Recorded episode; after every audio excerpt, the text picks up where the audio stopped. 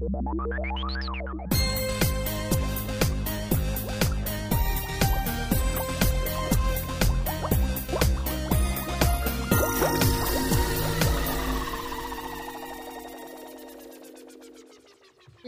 da vil vi velkomme dere til eh, episode nummer to.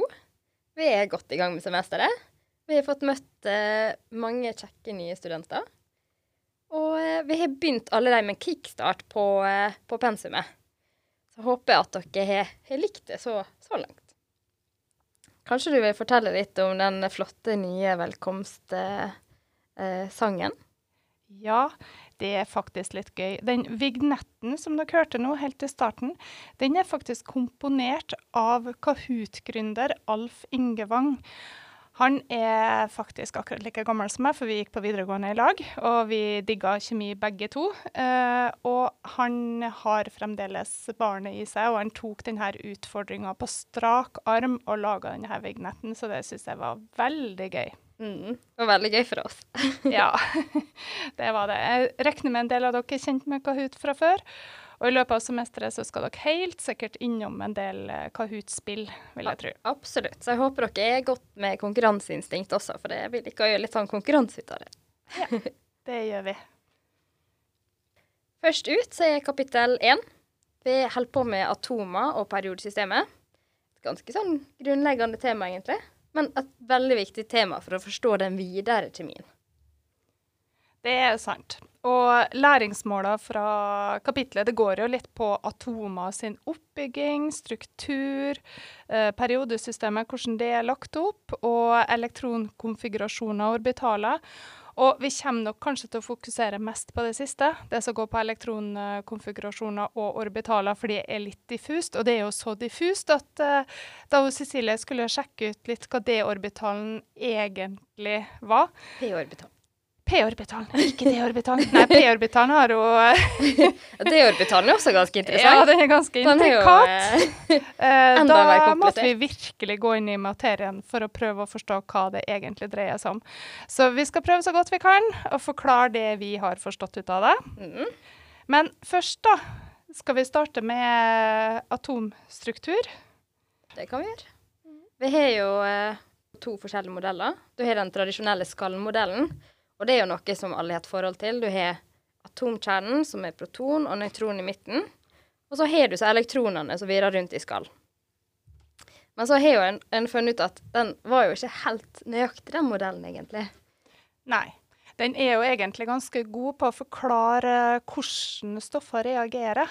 Og forteller veldig mye om egenskaper til stoffer. Og litt om det med energinivå til elektroner det er den ganske god på å forklare, den skallmodellen. Men det er ikke sånn atomet ser ut i det hele tatt. Bare se for dere elektroner. De er i konstant bevegelse.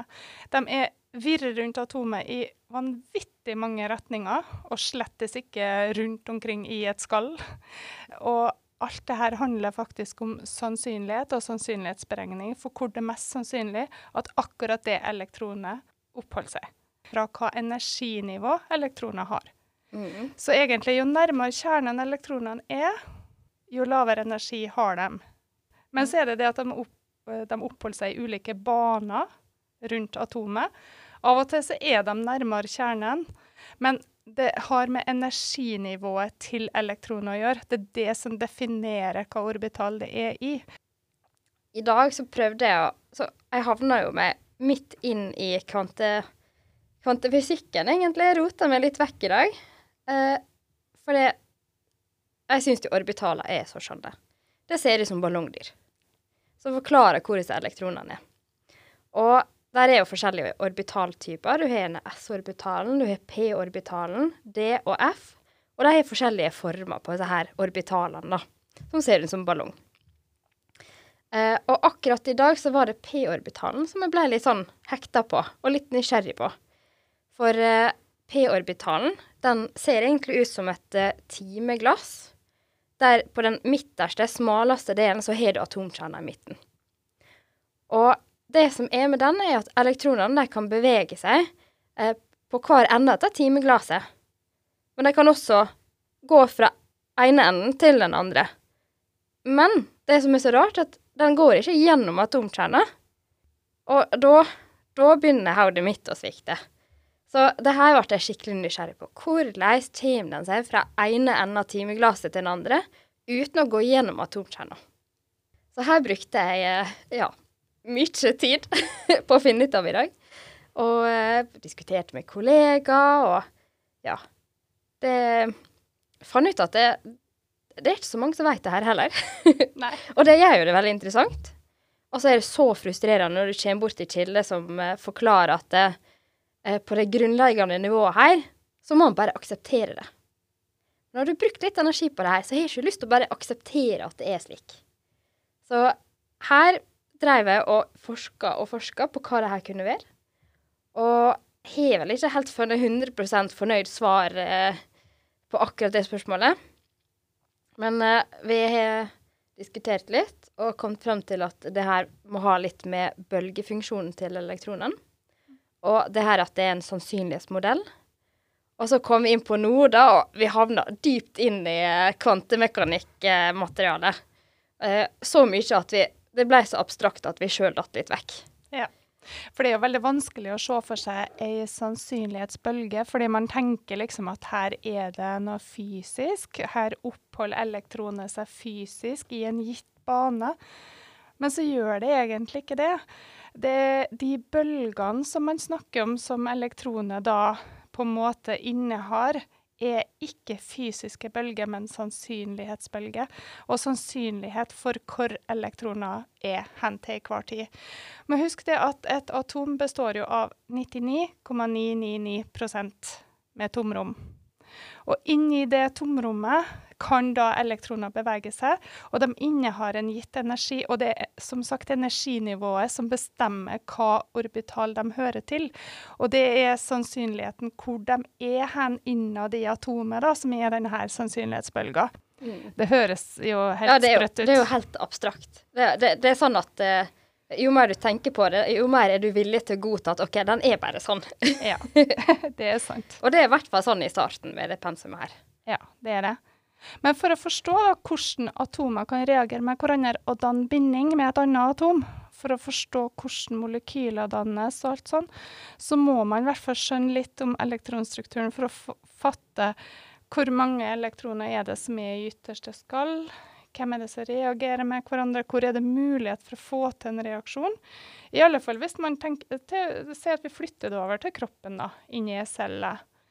Uh, og vi skal studere om det er mulig at en reaksjon kan ha en annen reaksjonsvei enn hva vi tradisjonelt tenker, så må man vite noe om det er faktisk mulig for de atomene å reagere på den måten der, og danne de molekyler.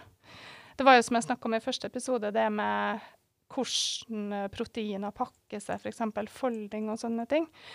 For å, for å, forstå det, så må man skjønne noe om ladninga. Hva er den ladninga i det ytterste skallet som mm. gjør at man faktisk får tiltrekning eller frastøtning. Da, som er med på å forme både former på molekyler, proteiner, aminosyre, det som er. Så øh, det her det ligger grunnen til at dere skal forstå det grunnleggende. Det er for å skjønne prosesser seinere. Mm. Og husk at uh, de kjemiske reaksjonene vi skal gå gjennom i kurset her, det handler om elektronene. Hva skjer med elektronene? Og den byttehandelen som stoffer gjør mellom seg sjøle og andre stoffer, med å bytte elektroner Noen deler det ganske likt, noen knabber det fra den andre. Uh, mens andre er ja, litt sånn kompromiss, egentlig. Ene deler, den ene, de deler, men den ene tar litt mer enn den andre. ja. og, og, sånn får vi tiltrekningskrafter mellom atomene, og vi får nye stoffer. Og så er det også det med energi. At uh, elektroner de uh, har kinetisk energi, dvs. Si bevegelsesenergi, for de er i konstant bevegelse.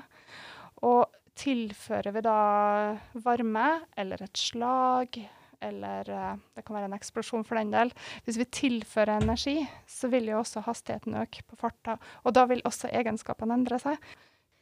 Så det grunnleggende det er alfa og omega for alt stoffet vi skal ha videre. Eh, og så tenkte jeg også vi kunne dra fram noen litt sånn artige eksempler basert på egentlig det, ja, det grunnleggende her. Eh, kanskje du kan si noe om, eh, om det her med ja, kjernen og elektronene og kontra sorte hull? Ja, sorte hull det er jo veldig interessant. Nå kan ikke, jeg skal ikke påberope meg å kan veldig mye om sorte hull, men det man eh, på en måte vet, er at den materien som går inn i et sort hull i verdensrommet, den kommer aldri ut igjen. Og det virker jo helt merkelig. Ting kan jo på en måte ikke bare forsvinne. Men hvis vi tenker tilbake igjen til atomet, så er det som jeg sa før, så er det 99,999% tomrom i et atom. Og det man da ser for seg, det er at hvis et uh, atom går inn i et sort hull, så klapper tomrommet sammen. Og hvis den materien vi menneskene er skapt av, da, hvis alle menneskene på jorda hadde gått inn i et sort hull, så hadde når tomrommet hadde klappa sammen, så hadde alle menneskene fått plass i en sukkerbit. Så det sier noe om hvor utrolig mye tomrom de atomene vi er bygd opp av, består av. Og da kan vi tenke hvor liten vi er eh, egentlig, og hvor uh, romslige vi er. ja. Det er ganske fascinerende, altså. Mm. Og uh, når vi er inne på atomer, så kan vi også ta for oss isotoper. Hva er egentlig en isotop? Eh, hvis vi skal ja, ta den kjedelige forklaringa, så er isotop egentlig bare en, en utgave av et grunnstoff eh, basert på hvor mange nøytroner som er til stede i atomkjerner. Husk at du er nødt til å ha samme antall protoner for at det skal være et gitt grunnstoff. Men antall nøytroner kan enten være ja, like mange som protonene, det kan være litt mindre, det kan være flere. Og alle disse her utgavene her av nøyaktig samme grunnstoff, med akkurat samme antall protoner, det er da ulike utgaver, altså ulike isotoper av det atomet. Og de isotopene kan ha ulike egenskaper. Man kan ha radioaktive varianter, radioaktive isotoper. Dere har sikkert hørt om det, at det finnes radioaktive isotoper. Og Det handler bare om at et grunnstoff, f.eks. også hydrogen, da, som er en av de mest kjente grunnstoffene, egentlig, fordi vann er jo bygd opp av to hydrogenatom og ett oksygenatom. Der kan vi ha en variant som ikke er radioaktiv. Det er jo den som vi både består, kroppen vår består jo av eh, hva det er, 70% vann eller noe sånt. I nærheten av det. Noe sånt. Det tror jeg varierer litt. Det varierer litt, alt ettersom. Uh, og det vannet vi drikker, det er jo da den ikke-radioaktive isotopen av hydrogen. Heldigvis. Men så har vi også uh, noe som heter deuterium. Det er en variant av hydrogen som har to nei, kjernepartikler. Det ene er proton, det andre er nøytron. Så du har ett proton som definerer det som hydrogen, og så er det ett nøytron som da gjør at det blir et deuterium. Vi har også en variant som heter tritium, og den har uh, tre kjernepartikler.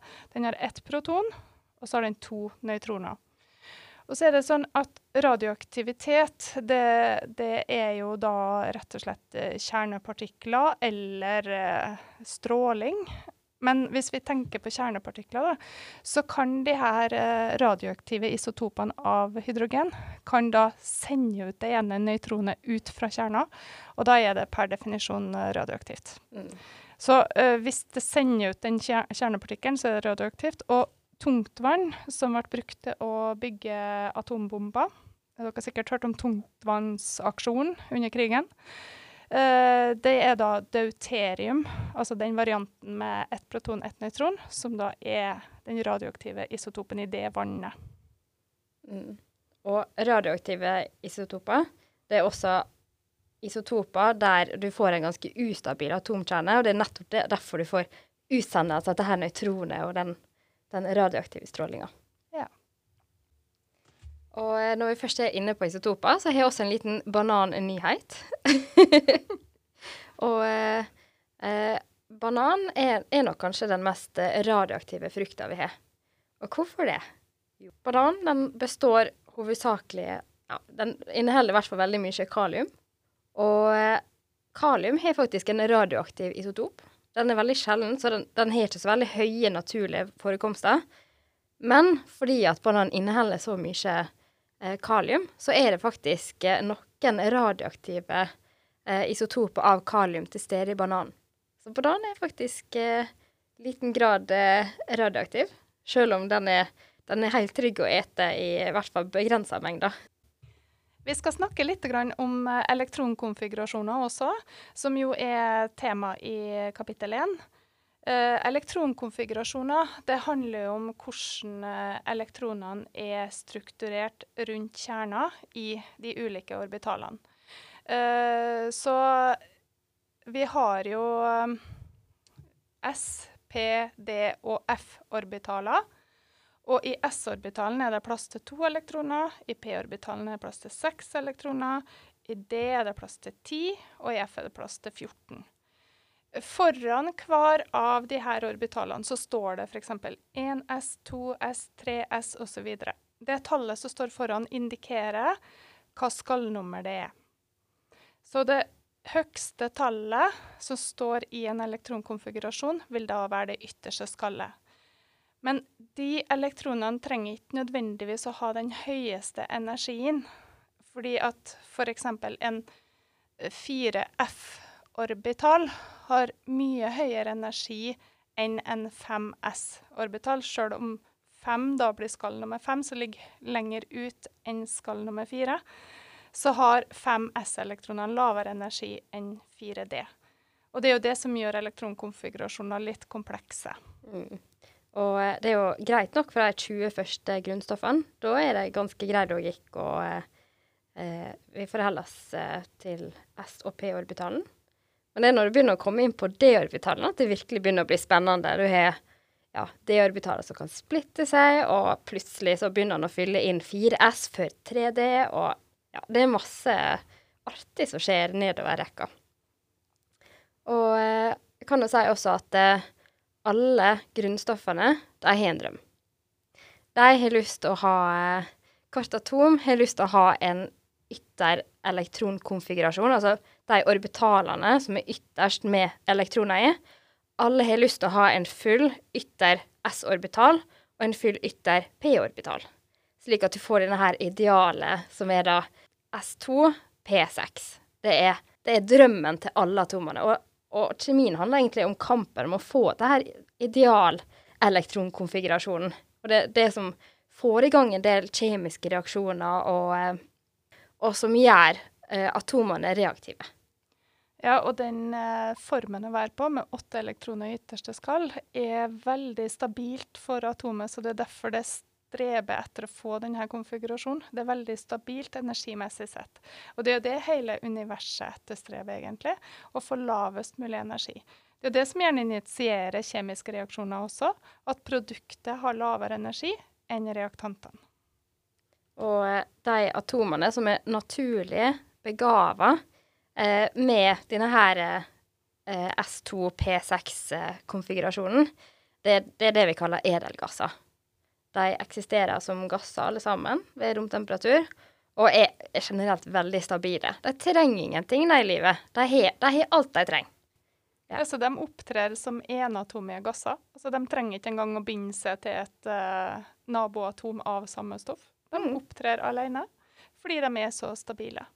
Og det finnes veldig, veldig få eh, typer varianter hvor en edelgass har reagert med et annet stoff.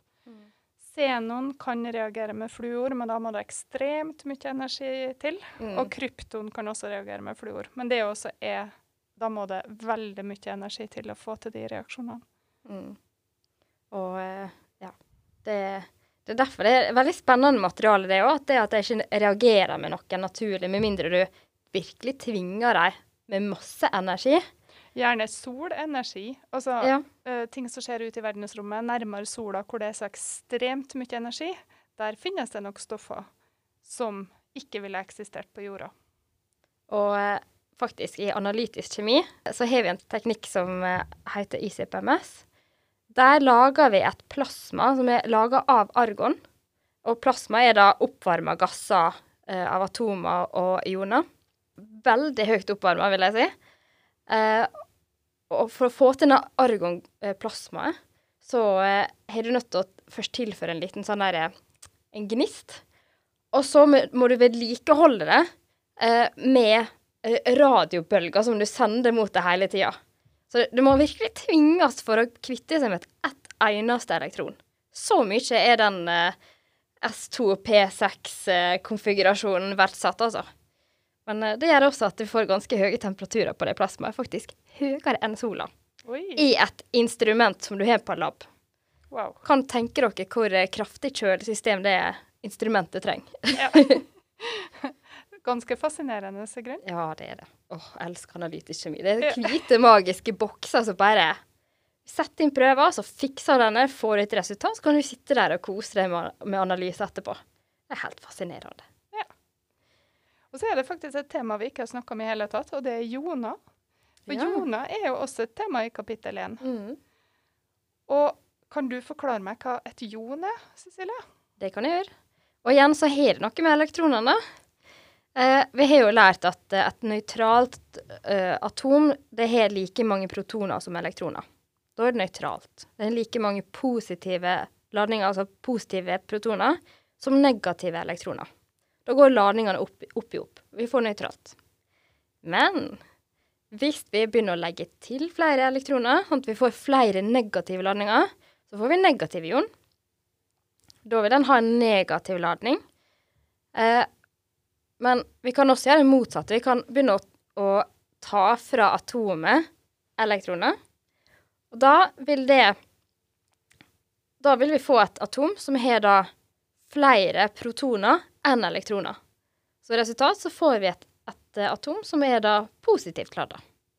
Så kan dere da tenke dere, da. Vi har jo snakka om pluss og minus og tiltrekning og pluss og pluss og frastøtning og sånn. Så positive og negative joner, de tiltrekker hverandre. Men det kommer vi litt videre til i kapittel to, når vi skal snakke om kjemisk binding. Men jonedannelse er også veldig viktig for å kunne danne ulike typer stoff, som f.eks. salter. Syrebaser er det mye ionereaksjoner. Ja, vi kommer mye mer. Fellingsreaksjoner. Fellingsreaksjoner, ja. Syrebase også, egentlig. Ja, løslighet. Alt handler om elektroner. Ja, det gjør faktisk det. Så med andre ord, dette er et ganske spennende tema. Ja. Og eh, ja, jeg tenker at eh, vi kan avslutte dagens episode. Det kan vi gjøre. For uh, dere vil jo få lære enda mer om det her i forelesningene. Mhm. Og eh, ja, så håper vi at eh, dere har hatt det kjekt med oss denne gangen også. Og at dere har lyst til å følge oss eh, videre.